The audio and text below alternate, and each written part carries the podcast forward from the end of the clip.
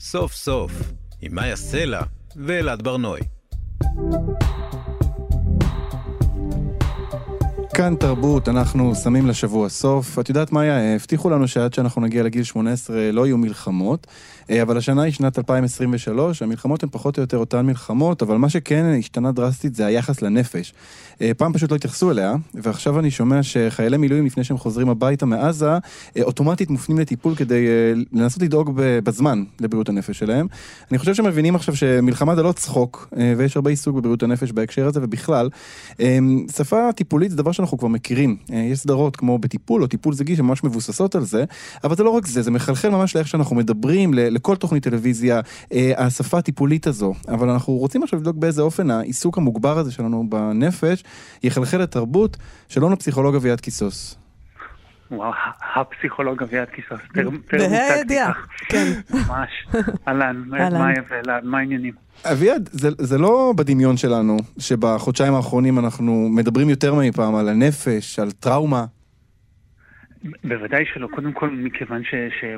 עומק הפגיעה אחרי השבעה באוקטובר אה, הוא עצום, אה, והשפה הזו של טראומה, שהיא שפה שגם ככה מאוד מדוברת בשנים האחרונות, אה, מדוברת עכשיו הרבה יותר. זאת אומרת, גם יש איזושהי מין תחושה שהיא גם קשורה שוב בעומק הפגיעה, וזה שמדובר גם באזרחים ואחר כך גם בצבא, וגם קצת באופן שבו העולם בנוי, יש איזושהי תחושה ש... כולם, לכולם קרה משהו, נכון? שכולם עברו איזושהי חוויה שעבורם היא חוויה טראומטית. כן. נכון. כן, בוודאי שה...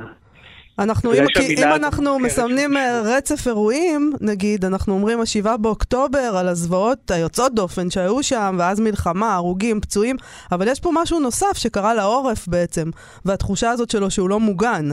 אז, נכון. אז אתה יכול לדבר, אפשר לדבר על טראומה קולקטיבית? זו שאלה טובה. אמ, אפשר לדבר על טראומה קולקטיבית. צריך להגיד משהו על טראומה. טראומה היא לא דבר שקרה. טראומה היא האופן שבו הדבר שקרה נרשם. Mm. לכן מה שעבור מישהו הוא טראומטי, עבור מישהו או מישהי אחרים, הוא לא, הוא לא, הוא לא התפתח לכדי חוויה פוסט-טראומטית. כן. זה דבר חשוב. אמ, אבל כן, אפשר לדבר על טראומה קולקטיבית, אני מתאר לעצמי שיהיה שיח כזה מאוד מאוד... Uh, אמ, מכובד בשנים הקרובות בנושא, וכבר עכשיו יש. ללא ספק אפשר לדבר על פגיעה קולקטיבית. ללא ספק אפשר להגיד שמשהו קרה. אני אף פעם לא רוצה להגיד לכולם, כי תמיד יש, תמיד יש יוצאי דופן בכל מה שנוגע לחוויה. כן. אבל אה, כן, כן, בטח שכן. אז אפשר גם לדבר על טיפול קולקטיבי? נראה לי פחות יעיל לטפל בכולם בבת אחת. איזה משהו שנגיד אה, נגיד שיש לנו איזה מנהיג, או יהיה לנו יום אחד מנהיג שהוא יכול, אה, אני לא יודעת מה, נאומים למשל, אתה יודע, נאומים של צ'רצ'יל, אוקיי, זה לא טיפול פסיכולוגי, נכון, אבל היה בהם הרבה, הם עשו הרבה לעם הבריטי בשעתו. אני חושב שגם עכשיו יש... זה נכון אגב בכלל בשנים האחרונות, אבל, אבל אולי, אולי ביתר שאת בחודשים האחרונים. גם עכשיו יש אנשים שכשהם מדברים אז נשמעת יותר מודעות לכאב אמ, ולפחד אה, אצל מי שמדברים אליהם, לעומת כאלה שנורא נורא מרוכזים בלהגיד אה, אנחנו ננצח ואנחנו נכבוש ואנחנו הכי חזקים בעולם. שזה כמובן יותר מתחום המאניה, זאת אומרת, זה לא, לא מצוי בקשר עם המציאות. אנחנו כל מיני דברים, אנחנו גם חזקים, אנחנו גם חלשים. כן. יש מי שמסוגלים להכיר בזה יותר מאחרים. אמ, לצערי, לא הם אלה ששומעים אותם הכי הרבה. אביעד, היה, קרה בסוף השבוע שעבר את האסון הנורא הזה של החטופים שנהרגו מכוח, מכוח של צה"ל, ושמתי לב לדבר מעניין שמיד דיברו גם על הטראומה של, ה, של החיילים שירו, כלומר, השפה הזאת, ההבנה הזאת שגם הפוגע יכול להיפגע בעצמו מהדבר הזה, הפך לאיזה משהו מרכזי בשיח, וראינו גם מצד נבחרי ציבור, שאמרו אולי זה לא הזמן לחשוף את זה, שזה קרה בכלל, כלומר, הדבר הזה שאנחנו חושפים את עצמנו כנפש פגיעה, אה, הוא, הוא כאילו לא מתיישר בקו אחד עם, ה, עם המטרה של המלחמה. אני, אני לא חושב, יש איזושהי תחושה שזה כאילו לא מתיישר עם המטרה של המלחמה, אבל זה, זה היגיון קצת של הבריון השכונתי, נכון? שאני צריך ללכת נורא נורא זקוף ו, ובחזה מנופח כדי שאף אחד לא ייגעו בי ואז יראו שבעצם אין לי שום כוח. פגיעויות יש פה ופגיעויות יש בצד השני, ובכל מקום שיש בו בני אדם יש, אה, יש פגיעויות. הפגיעות שלנו כרגע כמובן מאוד מנוצלת לרעה, כי זה מאוד ברור, לא משנה אה, כמה נדמה לנו שאנחנו עושים אה, פרצוף אדיש וקשוח, זה מאוד מאוד ברור בצד האחר שאכפת לנו, שכואב לנו, שנלקח לנו, כן. שאנחנו מתגעגעים, שבסיטואציה כמו הסיטואציה האיומה הזו שקרתה בשבוע שעבר, יש ילדים בצד האחד וילדים בצד האחר, ושזה פשוט נורא. אה, זאת אומרת, זה הרבה לפני שאנחנו נכנסים להיגיון של הדבר. אמ, אבל הפגיעות, הפגיעות היא זה given, הפגיעות היא נכונה מעצם היותנו אנושיים. כן, כלומר אין דרך, אין דרך לא להיות כאלה. אין, בוודאי שלא. אתה חושב... בטח לא בסיטואציה כזו. אביעד, אתה חושב שאנחנו נראה עכשיו אה, את התרבות שתצא בה בתקופה הקרובה, מוזיקה, שירים, טלוויזיה, תוכניות, אנחנו נראה, אה, לדעתך, אה, שפה רגישה יותר, מודעות גבוהה יותר, כמו שאנחנו מתחילים כבר לזהות עכשיו, לעניין הזה של הנפש והפגיעות שלה? אני חושב שכן. זאת אומרת... עוד יותר מאשר עכשיו. עכשיו יש קצת אה, שירי מורל כאלה, נכון? כן. אה, מתישהו באמת יצטרכו לספר את הכאב הזה לעומק. אבל אני חושב שזה גם שאלה, גם של מה נראה, וגם של איך אנחנו, כצרכנים וצרכניות של, תר... של תרבות, נוכל להתבונן. אני אספר לכם רגע משהו, אני הייתי בתחילת השבוע בהופעה של בת שבע, ב-2019. המופע של בת שבע. המופע נקרא 2019. המופע נקרא 2019, okay. אוקיי. כן, אני הייתי בו בתחילת השבוע. כבר היה 2023. אמ, וזה מופע באמת יפהפה, זה אני אגיד קודם כל, אה, ממש כזה יצאתי ממנו ואמרתי, וואו, איזה דבר דפוק זה מלחמות, כשיש כל כך הרבה יופי בעולם, וכל כך הרבה דברים שעוד אפשר לעשות עם הגוף והשכל וה mind. איזה שטות זה להתווכח על מי יהיה איפה, בואו, בואו כאילו רק רק להתרכז ביופי, אז בחוויה הזו יצאתי משם. כן. ויש איזה רגע במופע, אני לא אעשה שום סוג של ספוילר, אבל שהוא איזשהו דימוי אסתטי שעוסק במוות מאוד מאוד חזק, ואני ישבתי בקהל, ואיזו אישה שישבה לידי, שאינני מכיר, פשוט פנתה אליי ולחשה לי באוזן, כאמור אינני מכיר אותה, אומרת, תגיד, אתה לא חושב שזה קצת מתרגר עכשיו? דברים כאלה עם כל מה שקורה בחוץ. וואו. כן, טריגר זה עניין חזק. טריגר זה עניין חזק, כן. נכון. גם אחר כך חשבתי על זה שזה מסממני השיח ההיפר-פרוגרסיבי קצת המטורלל. נכון. ש, שכל דבר, הכל טריגר. שפעם היה קשה הוא עכשיו טריגרי. כן. אמ, כי הרי בעצם, כשאנשים אומרים זה מתרגר אותי, הם אומרים זה מקשה עליי לעשות את ההפרדה ההכרחית בין מה שבפנים למה שבחוץ. חשבתי על האישה הזו, שאם היא יושבת שם ואין לה מספיק מרווח כזה בשביל להכיל מטאפורה, המצב, אז המלחמה היא לא בעיה פה, יש הרבה בעיות אחרות. אה, אנחנו נצטרך לחזור להיות מסוגלים להתבונן בדברים ולהבין מסרים מורכבים.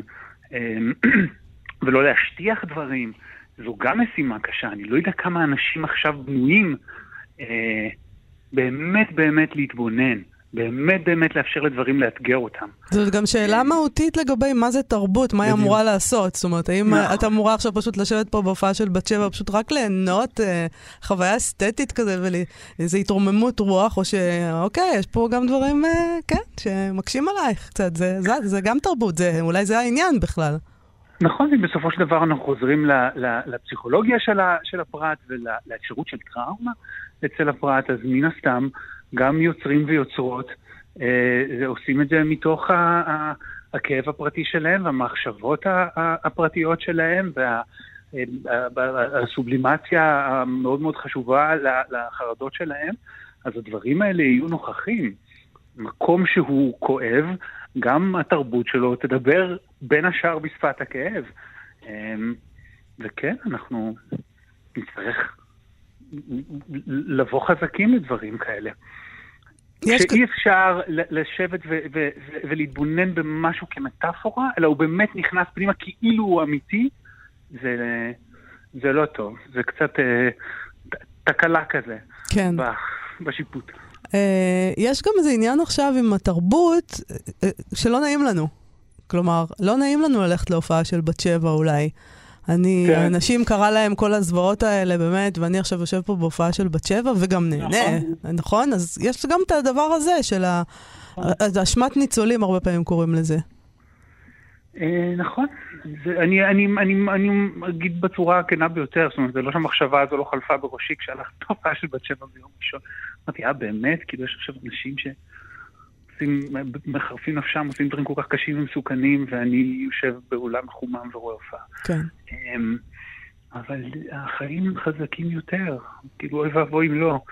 תרבות, אומנות, זה דחף חיים, זה מצרך מאוד מאוד מאוד נחוץ עכשיו. אז, אה, אז זה גם דבר נורא נורא חשוב, לצרוך תרבות. כאילו, אני מבין שזה לא נעים, אבל זה גם דבר נורא נורא חשוב. יש לי חבר שהוא נמצא עכשיו בחו"ל, באיזה ענייני עבודה, אמרתי לו, תעשה לי טובה, תלך למוזיאון ותתקשר אליי אחר כך, תגיד לי שיש, ראית דברים יפים, כאילו משהו. שנייה, חייבים להכניס גם את זה, כי, כי המלחמה תסתיים, נכון? זה הרי יחלוף, הכל חולף, גם זה יחלוף. אנחנו צריכים להישאר עם משהו. אביעד, אתה... דיבורים פריבילגיים מאוד, אבל... לא, אבל זה, כן, נכון? אנחנו צריכים משהו להאחז בו, לא, כן. לא, אפשר גם להגיד אותו דבר על טיפול, נגיד אנשים שבאים לטיפול, אז אולי לא נעים להם לדבר על שום דבר חוץ מהאירועים האלה, כי מה, אני אדבר עכשיו על האימא שלי ומה שהיא עשתה לי? אבל נורא חשוב ש...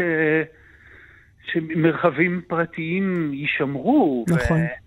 אה, כדי שתוכל, בין השאר, לפעול ולהיות אקטיבי ולהקריב קורבן עבור אחרים, עבור המשפחה שלך, עבור המדינה. אה, הדברים האלה מאוד מאוד חשובים, אתה צריך, אתה צריך להתפתח כבני אדם. אתה שומע עכשיו, באמת, בנסיבות כל כך איומות, כל כך הרבה סיפורים של חיילים ו- ומילים אחרונות ואהבות ו- ו- ושירים.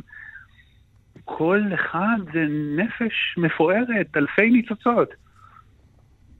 אנחנו בסוף... אה, כן, אה, אה, זה מעניין אביעד, כי אתה יודע, האישה שישבה לידך ודיברה על זה שזה אולי טריגרי, כאילו אנחנו באים עכשיו לאיזה מין מופע או למאזינים למשהו, צופים במשהו, אנחנו קצת מצפים שזה יעשה עבורנו משהו, באיזשהו אופן יטפל בנו. אתה לא מדבר על זה, על השפה של איך האמנות יכולה לטפל בנו, אתה מדבר על יופי, על, על משהו להיאחז בו או, או, או לראות אותו כ, כיפה פשוט. נכון, אני, ואני מדבר על זה שכשאתה מסוגל להתבונן ביופי, כשאתה מסוגל לתת משמעות לדברים, כשאתה מסוגל לשבת בהופעה של בת שבע, ולמרות ש, שזה באמת יכול להיות שזה טריגרי במובן זה שזה מפעיל אצלך איזשהו זיכרון מיידי של משהו היום ונורא שקראת הבוקר בעיתון, אבל כשאתה מסוגל לתת לו איזושהי משמעות, זה באמת, זה כמו, זה כמו אימון נפשי, זה דבר נורא נורא חשוב להיות מסוגל להמשיך ולעשות, בעיניי. אמ, אסור לוותר על הפונקציות האלה, אסור לוותר על היכולות האלה. גם, גם כש, כשיגמר הדבר הזה, נצטרך לתקן את עצמנו איכשהו כחברה מהנזקים האיומים ונוראים שנעשו לנו עוד הרבה לפני השבעה באוקטובר. בשביל לעשות את זה נצטרך להיות uh, בני אדם. הכי קשה שיש. כן, אבל אין ברירה אחרת. כן. אביעד קיסוס, הפסיכולוג אביעד קיסוס. תודה רבה לך על השיחה הזאת. תודה רבה לכם. תודה רבה, להתראות. ביי.